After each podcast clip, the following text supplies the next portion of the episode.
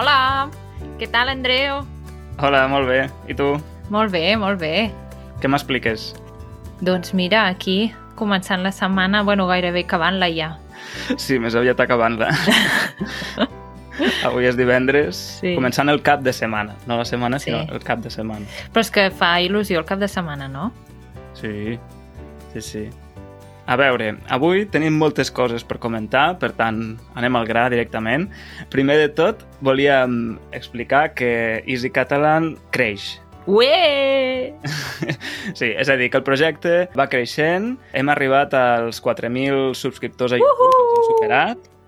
Hem superat també la xifra de 40 membres a Patreon. Uh!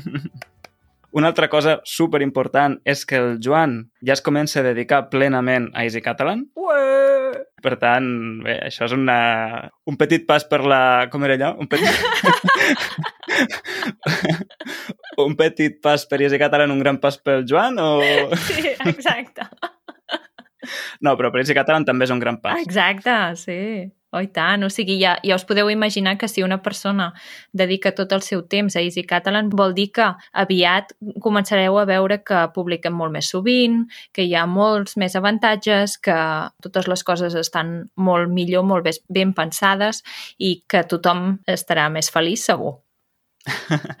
És que, clar, hem de recordar que aquí tots els membres de l'equip hem col·laborat en el projecte de manera voluntària en el nostre temps lliure. O sigui, Mhm. tots tenim la nostra feina o els nostres estudis i ara el Joan ha estat el primer que ha decidit dedicar-se plenament al projecte. Exacte. Així que des d'aquí li enviem una forta abraçada al Joan per tota la feina que estarà fent aquests dies. Molts ànims, Joan. I et volem aquí al podcast un dia perquè et sentin els nostres oients. Exacte. Doncs una de les coses que podreu veure ben aviat els membres de Patreon és els exercicis. De fet, a hores d'ara ja podem dir que estan publicats els exercicis del vídeo del ioga. Són uns exercicis en què hi ha una part de vocabulari, una part de gramàtica, una part d'exercicis i, finalment, un apartat de mots encreuats. I al final de tot el document hi ha totes les solucions, de forma que els exercicis es poden fer de manera totalment individual, cadascú a casa seva.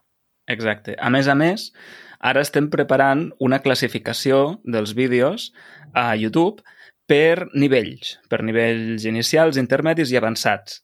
Ara mateix ja tenim algunes classificacions i algunes llistes de reproducció, però no per nivells encara. Per tant, mm, ben aviat això també ho tindreu disponible i podreu seleccionar els vídeos més fàcilment segons el vostre nivell. Exacte, que si arribeu a, al canal de YouTube d'Easy Catalan pugueu anar directament a la llista de reproducció que s'escau amb el vostre nivell de català. I ara mateix les classificacions que hi ha, les llistes que hi ha, són vídeos super easy, vídeos d'entrevistes, també tenim una llista de cançons, una llista de reproducció de música en català, Exacte. en què hi podeu trobar molts grups de, dels diversos territoris de parla catalana. -huh. Hi ha una llista de, de reproducció que són totes les col·laboracions. Això significa que allà hi ha tots els vídeos en què hem col·laborat, siguin de qui siguin, i també hi ha una llista de reproducció que són tots els vídeos d'Easy Catalan perquè n'hi ha que són en el, en el canal de YouTube d'Easy Languages i n'hi ha que són al canal de YouTube d'Easy Catalan. Exacte. I, a més a més, ara recentment hem fet una crida per les xarxes per cercar més persones que vulguin col·laborar amb nosaltres i, entre d'altres, doncs, hem, hem fet una crida a gent que pugui traduir, que pugui entrevistar al carrer per fer nous vídeos d'entrevistes i eh, jo vull fer una crida personal perquè ens falten també revisors o correctors de català. Per tant, si sou filòlegs els que ens esteu escoltant o teniu formació en, en correcció o revisió de textos, això ens aniria molt bé i, i les portes són obertes si voleu col·laborar amb nosaltres. El tema del dia. Bé, i avui, eh, aprofitant que parlem de com avança aquest projecte i com el tirem endavant, doncs volem dedicar aquest episodi a coses que avancen, a coses que progressen. Aleshores, Sílvia, uh -huh. jo t'he proposat que cadascú pensi en diferents coses de nivell macro a micro, és a dir, de nivell global, internacional, de nivell de l'entorn proper, que seria, doncs, des del poble o ciutat on vivim fins a tot l'àmbit de Catalunya o dels països catalans i, finalment, de l'àmbit personal. Aleshores, si vols començar tu... D'acord. Comencem pel global, no? Sí, comencem pel global. D'acord. Doncs en l'àmbit global, el que m'agradaria destacar que cada dia avança i millora més és l'empoderament de les dones. L'empoderament mm -hmm. significa que cada dona, tot i que ja es coneixi a ella mateixa, es coneix molt més. Vol dir que sap moltes més coses dels seus sentiments, les seves emocions, el seu cos i molts, molts altres aspectes, no només de la sexualitat, sinó també de l'aspecte anímic. I crec que cada dia el tema de, la, de les dones, de, del feminisme o no, avança molt més, que cada dia hi ha més gent que s'adona de, de la realitat que està vivint i de les coses que vol canviar a la seva vida. Uh -huh. I és una cosa que crec que encara falta molt camí, que moltes de les dones han de fer el camí totes soles i que de vegades és una mica difícil, però al final jo crec que val la pena. I tant, i no només també per la part sexual i emocional que has, que has comentat tu, sinó també de qüestió de drets i de la visibilitat Exacte. no? i de tots aquests àmbits socials en què la dona doncs, encara eh, està... En un racó. Sí, està raconada, no, no, uh -huh. no és prou visible, no? I, I, de fet, en els últims anys, aquí, bé, crec que és a, a nivell global, però a, aquí podem dir que en els últims anys les manifestacions pels drets de les dones han anat tenint cada vegada més, Uh -huh. més seguiment, no? Exacte. I les manifestacions són cada vegada més i més nombroses. Uh -huh.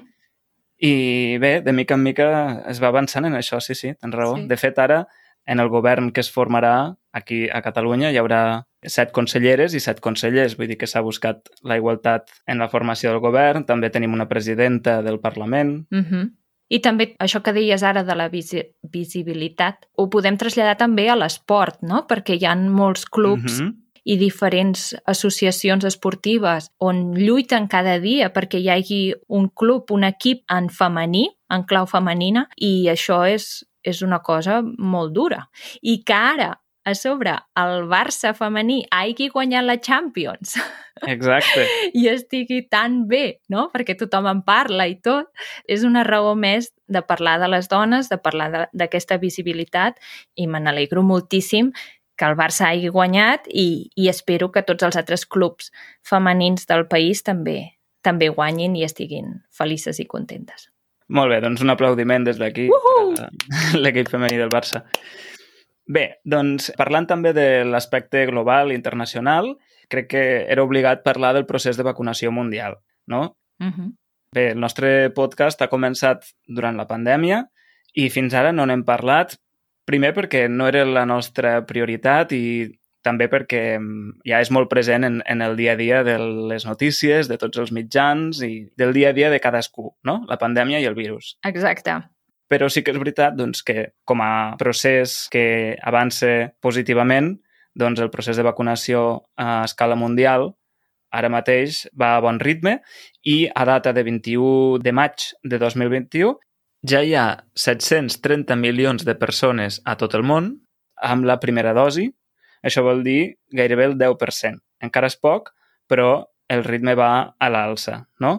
A Catalunya són 2,6 milions, recordem la dada que som ara mateix la població 7,7 milions de, de catalans i 2,6 ja han rebut la primera dosi, és a dir, un 35% aproximadament, no? Molt bé. I, i bé, aleshores, doncs, també cal destacar que el subministrament de vacunes es va accelerant, s'està valorant l'aixecament de patents, que això, si, si acaba succeint, doncs serà una bona notícia, penso. Uh -huh.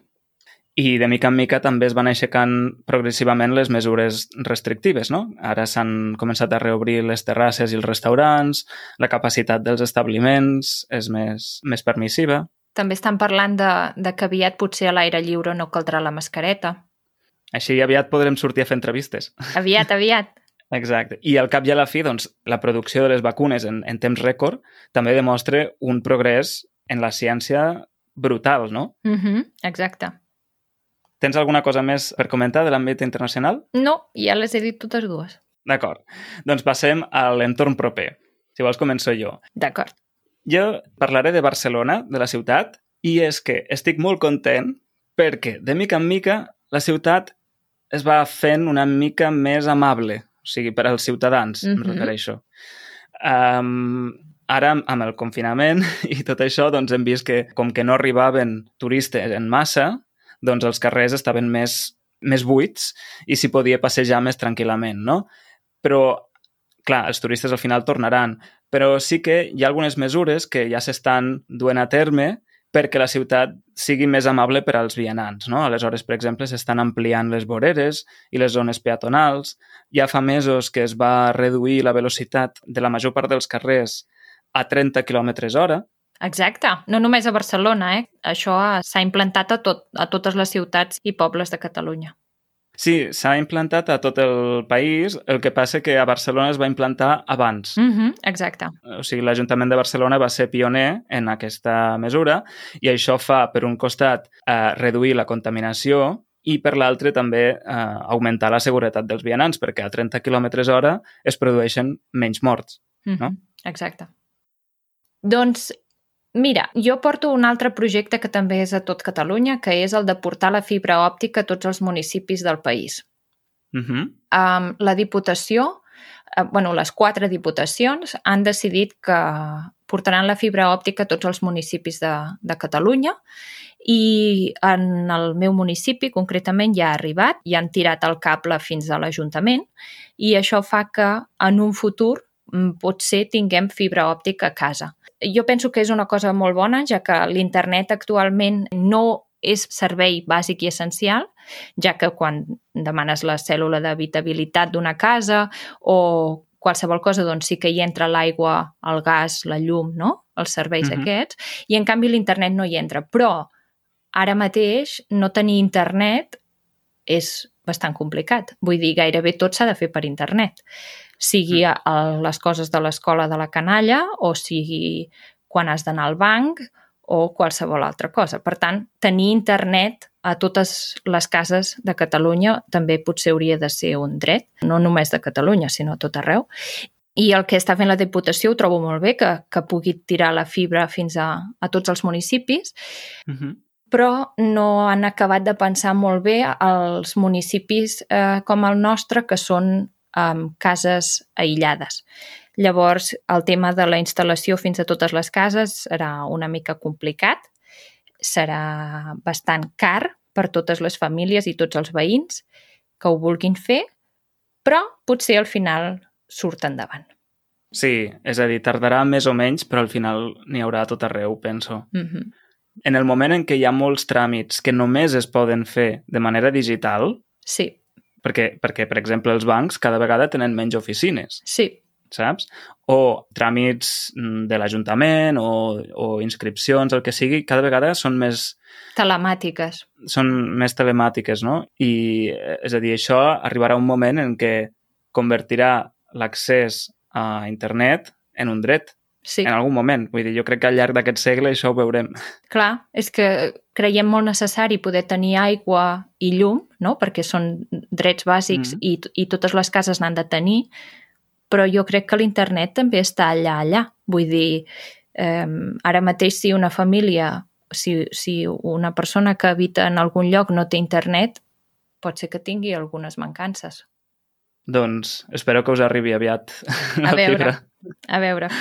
Jo tinc una anècdota sobre això i és que un dia a Lleida, jo estava passejant pels carrers de Lleida uh mhm. -huh. i se'm va acostar una noia, una comercial uh mhm. -huh. d'una companyia telefònica, no? de uh mhm. -huh. telecomunicacions, sí. per vendre'm o per donar-me publicitat de, de la fibra òptica i això, no? Uh -huh. Llavors em va demanar el meu codi postal. Uh -huh de Lleida. Aleshores els hi vaig donar, els hi vaig donar el codi postal dels meus pares, uh -huh. que viuen no ben bé a Lleida capital, a la ciutat uh -huh. mateixa, sinó en una partida, se'n diu. Una partida és com una urbanització, diguem, com un barri, però al camp, en una zona hortícola. Uh -huh. D'acord? O sigui que també les cases estan molt dispersades i això. Però al cap i a la fi està a 5 minuts de la ciutat, eh? Uh -huh. Bé, i quan li vaig donar el codi postal i el va introduir en la seva tauleta o, o l'ordinador sí. que portava, llavors em va dir, ah, no, no, no, aquí no hi ha previsió que hi hagi fibra òptica. doncs és el mateix que em passa a mi. Sempre em diuen, em pots donar el nom del carrer? I els hi dic, no hi ha carrer. I diu, ah, no hi ha carrer? No, doncs així res. I jo, vinga, adéu. Bé, la següent cosa que porto per comentar de, de l'entorn proper uh -huh. és que avui, uh, justament avui, divendres 21 d'abril, ai, de maig, um, s'ha investit el nou president de Catalunya. Ah, molt bé, no ho sabia, veus? Com que no ho sabies? No, és que he estat tot el dia fora i no, no me n'he enterat. Però d'acord. Doncs sí, avui s'ha investit el nou president. A veure, el que... És a dir, fa dos mesos o tres que vam votar Sí. i fins ara no hi ha hagut investidura perquè els partits doncs, han estat negociant i ara dient que sí, ara dient que no, marejant la perdiu, bàsicament. L'expressió de la setmana. Sí, marejar la perdiu. I finalment, bé, han arribat a un acord i avui s'ha investit el nou president, que és Pere Aragonès, d'Esquerra Republicana, no? Mm. La cosa bona de tot això, per mi, és que en aquest acord s'ha establert que volen augmentar el pressupost destinat a cultura. Ah, sí? Sí, Ja era hora. exacte, que el Departament de Cultura ha estat infrafinançat durant molts Sí, anys, sí, o sigui, fins al 2019 era, crec que, menys de l'1% del pressupost Mm. general de la Generalitat. És a dir, Mhm. si concretament era el, el 0,6%. Mare. Sí, l'any 2019 era aquesta xifra i l'any 2020 va augmentar lleugerament fins a l'1,1%. Però és que igualment això Que sí, que sí.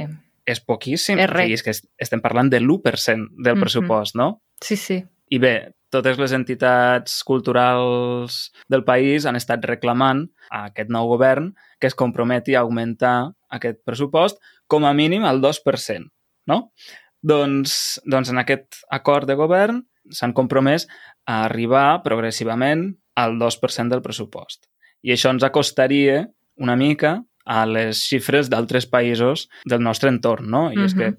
per exemple, a Dinamarca es destinen 880 euros per persona a l'any en cultura. Uau!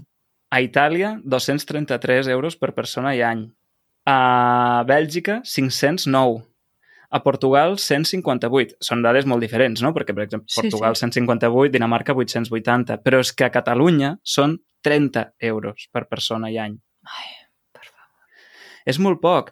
Aleshores, clar, un 2% és el mínim, Que sí, que és, sí. és el mínim que, que hauríem d'aspirar, no? Mhm. Doncs bé, en aquest sentit, hem de celebrar que s'hagin compromès a arribar al 2%, perquè això, al cap i a la fi, representa un augment de la producció cultural en català, Sí, saps? I, és a dir, tots sabem que el pilar fonamental de cada cultura és la llengua, sí.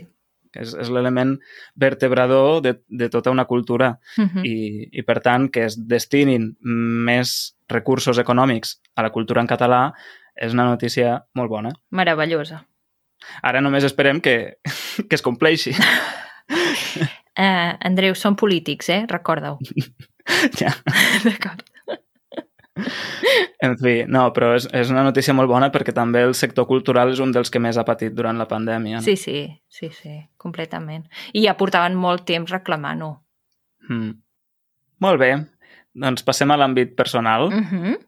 Tu mateixa.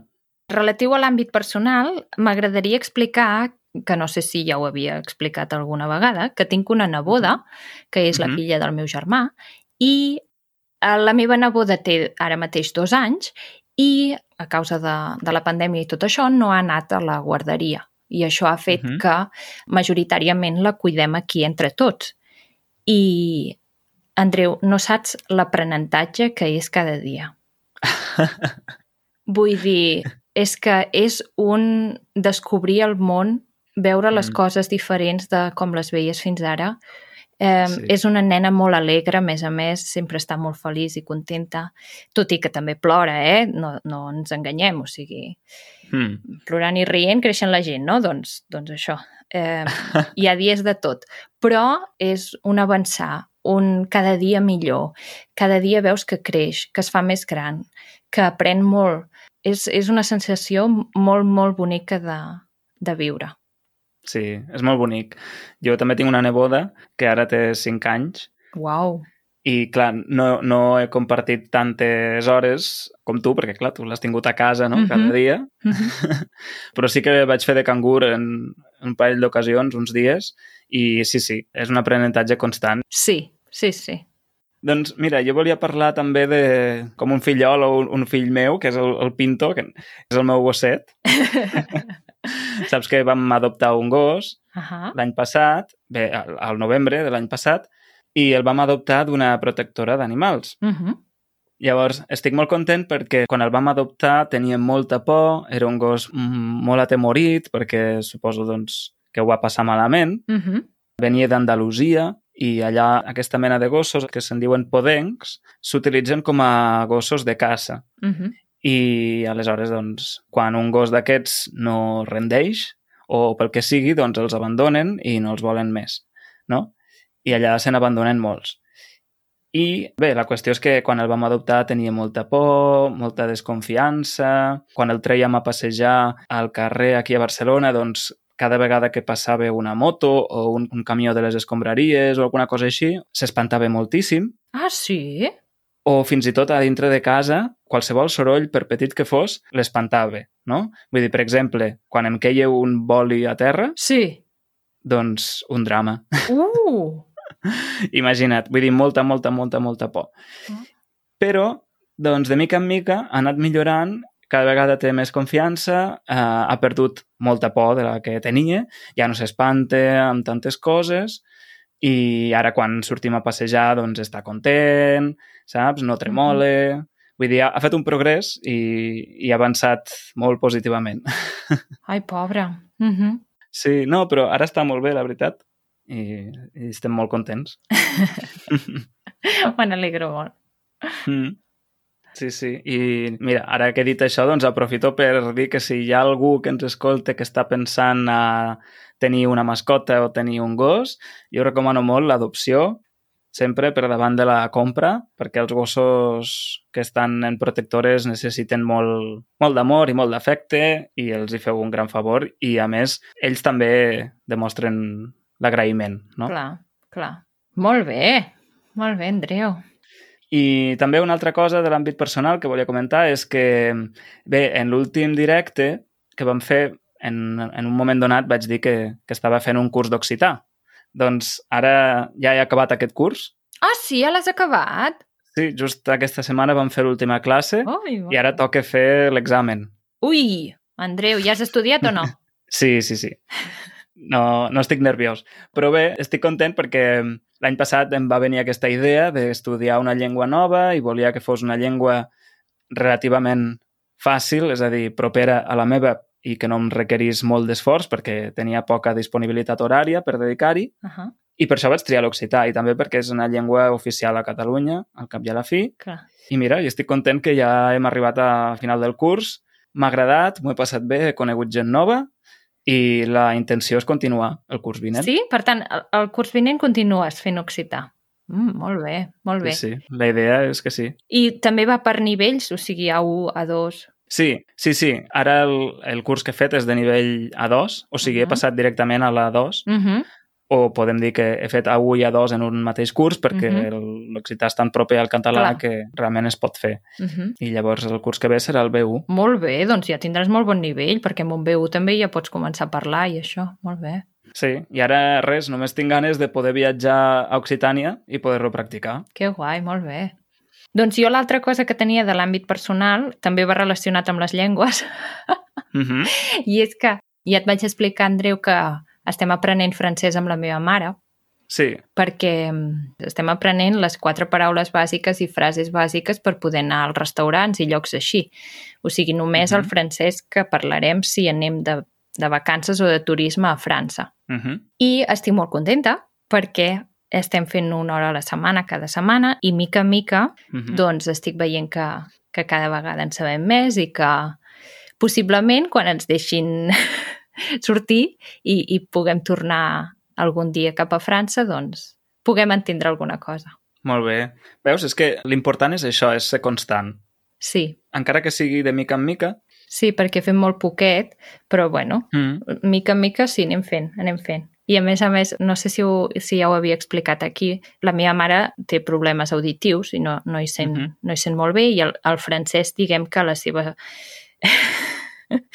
hi ha una cosa molt important i és que quan el llegeixes eh, venint des del català doncs es pot entendre molta cosa, però quan te'l diuen doncs canvia una mica.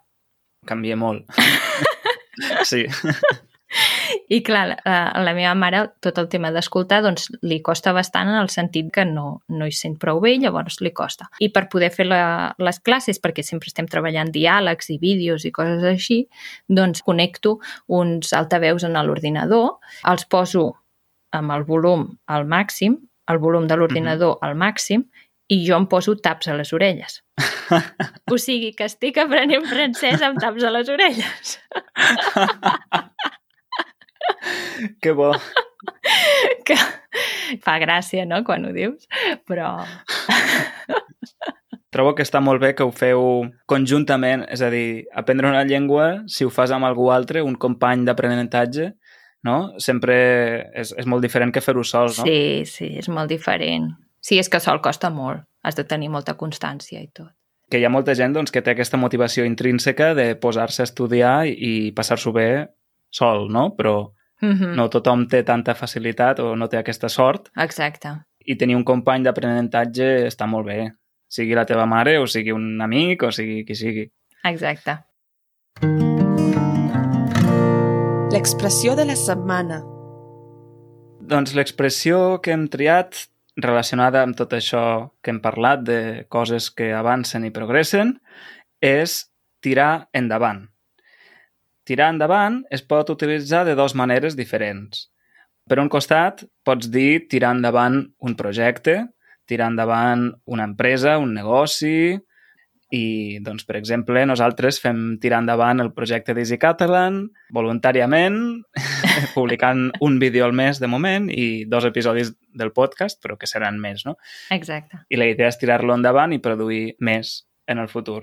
També relacionat amb tirar endavant, potser podríem dir l'expressió que mica en mica s'omple la pica, perquè moltes, Ah, mm, durant el, el podcast has dit moltes vegades de mica en mica, sí, però hi ha una expressió que és de mica en mica s'omple la pica. mira, sí. I, I significa això també, no? Que vas fent com una formiga, no? Va, cada dia fas una mica, una mica, una mica, i al final ja has omplert tota la pica, no? Exacte. La pica és, és el lloc on et rentes les mans, sigui el lavabo, normalment és la pica de la cuina, però també podries dir-ho de, de la pica del lavabo. Molt bé, doncs sí, de mica en mica s'omple la pica, correcte. I després, tornant a tirar endavant, ja hem dit que es pot utilitzar amb un complement directe, no? Tirar endavant una cosa, Uh un -huh. negoci, una empresa, un projecte, però també sense complement en el sentit de sortir d'una situació complicada. No? Per exemple, doncs, si ara que estem en, en, el, en aquesta pandèmia, doncs hem de ser positius i pensar que tirarem endavant, Exacte. que ens en sortirem i tirarem endavant. I que tot anirà bé. I que tot anirà bé, sí. Això s'ha repetit molt durant la pandèmia, vull dir que ha esdevingut més, no sé si un eslògan polític o, o una cosa així. Que... Sí. Llavors hi havia el graciós que deia tot anirà regular. Sí. Però la idea és aquesta, sí. Tirar endavant és en sortir-se'n i que tot anirà bé. I una altra cosa que m'ha vingut ara al cap és una, no és una expressió ni una frase feta, sinó més aviat una citació del, del mestre, de Pompeu Fabra, que deia que cal no abandonar mai la tasca ni l'esperança, no? O sigui, en el sentit de que, que cal ser sempre constants i creure en allò que fem, Molt bé, veus? no? Molt bonica, molt bonica. Sí, Mm. que s'ha de mantenir la constància i, i l'esperança, vaja. Easy Catalan recomana. Finalment, per a la secció de recomanacions, jo he pensat en, un, en dues coses. Per un costat, un llibre. Ja sé que en l'últim episodi vam parlar de... Bé, vam parlar de recomanadors de llibres, no? dels Mhm. booktubers, no tant de llibres. Però avui vull parlar d'un llibre que a mi em va agradar molt i no em canso de recomanar-lo i que està relacionat amb això del progrés i de l'avenç, que es Mhm. diu Factfulness. El coneixes? Et sona? No, em sap greu, però no, no em sona. Factfulness de Hans Rosling. Uh, aquest senyor era un, un especialista en sanitat pública Uh -huh. i era assessor de, de l'Organització Mundial de la Salut i de l'UNICEF i bé, la seva mm, obra final va ser, va ser aquest llibre i és un llibre en què explica, aportant moltes dades, per què la humanitat està millor del que pensem. Ah, sí? Sí, o sigui, no que estigui millor, sinó que va cap a millor, d'acord? Que la tendència és cap a millor. I no només això, sinó que t'explica els instints cognitius o, o els biaixos cognitius que tenim les persones a l'hora de fer-nos una idea de l'estat global del, del món i de la humanitat. D'acord? Aleshores, està molt bé perquè en cada capítol t'explica aquests biaixos, no? et dona dades per confrontar-los, Uh -huh. per rebatre moltes idees preconcebudes que tenim de, del món, Sí, no? I, per exemple, al llarg de la vida doncs, ens arriben moltes informacions, no? sí. que poden ser certes o mitjanament certes o directament falses, però és Mhm. igual. Anem acumulant com petites peces de coneixement i al final ens fem una idea del món amb tot això que ens arriba d'una manera o d'una altra. Exacte. Què passa? Que amb el pas del temps, encara que moltes d'aquestes dades, diguéssim, fossin correctes, amb el pas del temps n'hi ha que queden obsoletes, però no les hem revisat, saps? Mira, per exemple, sobre Àfrica, quan pensem en Àfrica, no? sobretot aquí a Occident i a Europa i així, Uh -huh. doncs tenim com molt la idea de la misèria, no? la pobresa extrema, la fam, Uh -huh. les malalties, però al final Àfrica és un continent molt gran Uh -huh. i, i varia molt d'un país a l'altre. Sí, I, clar, o sigui, desconeixem molt l'Àfrica en general sí. i tenim, i tenim una idea que no s'ajusta a la realitat d'aquest continent. Mhm. no? Bé, a, aquest seria un exemple, però també aporta moltes dades i de diferents àmbits per demostrar que la tendència global, encara que ara no estiguem en, una, en un món ideal, la tendència, la tendència és de millora. Per exemple, Clar. eh, l'escolarització dels nens, dels Sí. infants, Sí. ha augmentat significativament a tot el món. Ah, molt bé. La mortalitat infantil també es va reduint constantment. Uh -huh. La pobresa extrema s'ha reduït dràsticament en les últimes dècades, sobretot a l'Àsia, que és on hi havia més pobresa extrema, Mhm. No? a la Xina, Uh -huh. fins al finals del segle passat, Uh -huh. la gran part de la població de la Xina vivia en, en pobresa extrema. Sí. I, doncs, en les últimes dècades van creuar la línia que separa la pobresa extrema de la pobresa, pobresa no extrema. Uh -huh. Pobresa extrema vol dir que tu no saps si aquest mateix dia Ja, ja. podràs menjar. Sí, sí, sí. Bé, doncs aportant dades diferents no? de, de sanitat, de fins i tot de mm, guerres i conflictes bèl·lics. Ara mateix estem en un dels períodes de la història, no, no en un, és que estem en el període de la història més pacífic, tot i que hi hagi encara conflictes bèl·lics. Però en Ja, ja. comparació, o sigui, amb una perspectiva històrica, saps? sí, clar. estem en el període més pacífic. Això no vol dir que demà hi hagi la pitjor guerra de, Clar, clar, clar, clar. de la història, no? I, de fet, ara no vull fer spoilers total, però també, a part de eh, descriure els biaixos cognitius que ens fan malinterpretar la realitat del món i a part de totes les dades que aporta, que en són moltes i moltes referències, hi ha un capítol dedicat a quins són els perills reals que amenacen la humanitat, no? Uh -huh. que, per exemple, actualment hi ha com molta por, eh, és a dir, hi ha molt racisme perquè hi ha molta por a, a, al terrorisme, no? Mhm. a coses així, però realment amb les dades a la mà mata mm, moltes més persones el tabac que no el terrorisme. Ja, I el tabac ningú li té por, no li té pànic com li tenim pànic amb un terrorista, no? clar. O sigui, aporta moltes dades per relativitzar la importància que donem a determinades coses Ai, doncs, doncs trobo que està molt bé aquest llibre. Sí, està molt bé, perquè un dels biaixos que tenim és que ens marquen més les coses negatives que les positives. Sí, sí, això sempre. Aleshores, l'única manera que tenim d'ajustar, diguem, aquesta, aquests nivells de descompensats de por o de prejudicis cap a determinades coses són les dades. I aquest llibre ho fa. I llavors et diu, quines són les grans amenaces per a la humanitat avui dia? 1. La possibilitat que es produeixi una guerra nuclear. 2. Les pandèmies. Aquest llibre fa uns anys ja que es, que es va publicar, D'acord? però ja ho deia, o sigui, una de les amenaces principals són les pandèmies Doncs ara tinc por de la U. i ara no me'n recordo de, de la resta, però eren, eren tres o quatre, eh, o dos o tres. Eh, pot, mm, mm, potser no les vull saber, Andreu. No, però bé, està molt bé perquè al final la idea és que en la major part dels àmbits, o sigui, sanitat, Mhm. ciència, escolarització, Mhm. Eh, igualtat entre homes i dones, pobresa, tot això, en la majoria d'àmbits estem progressant cap a bé.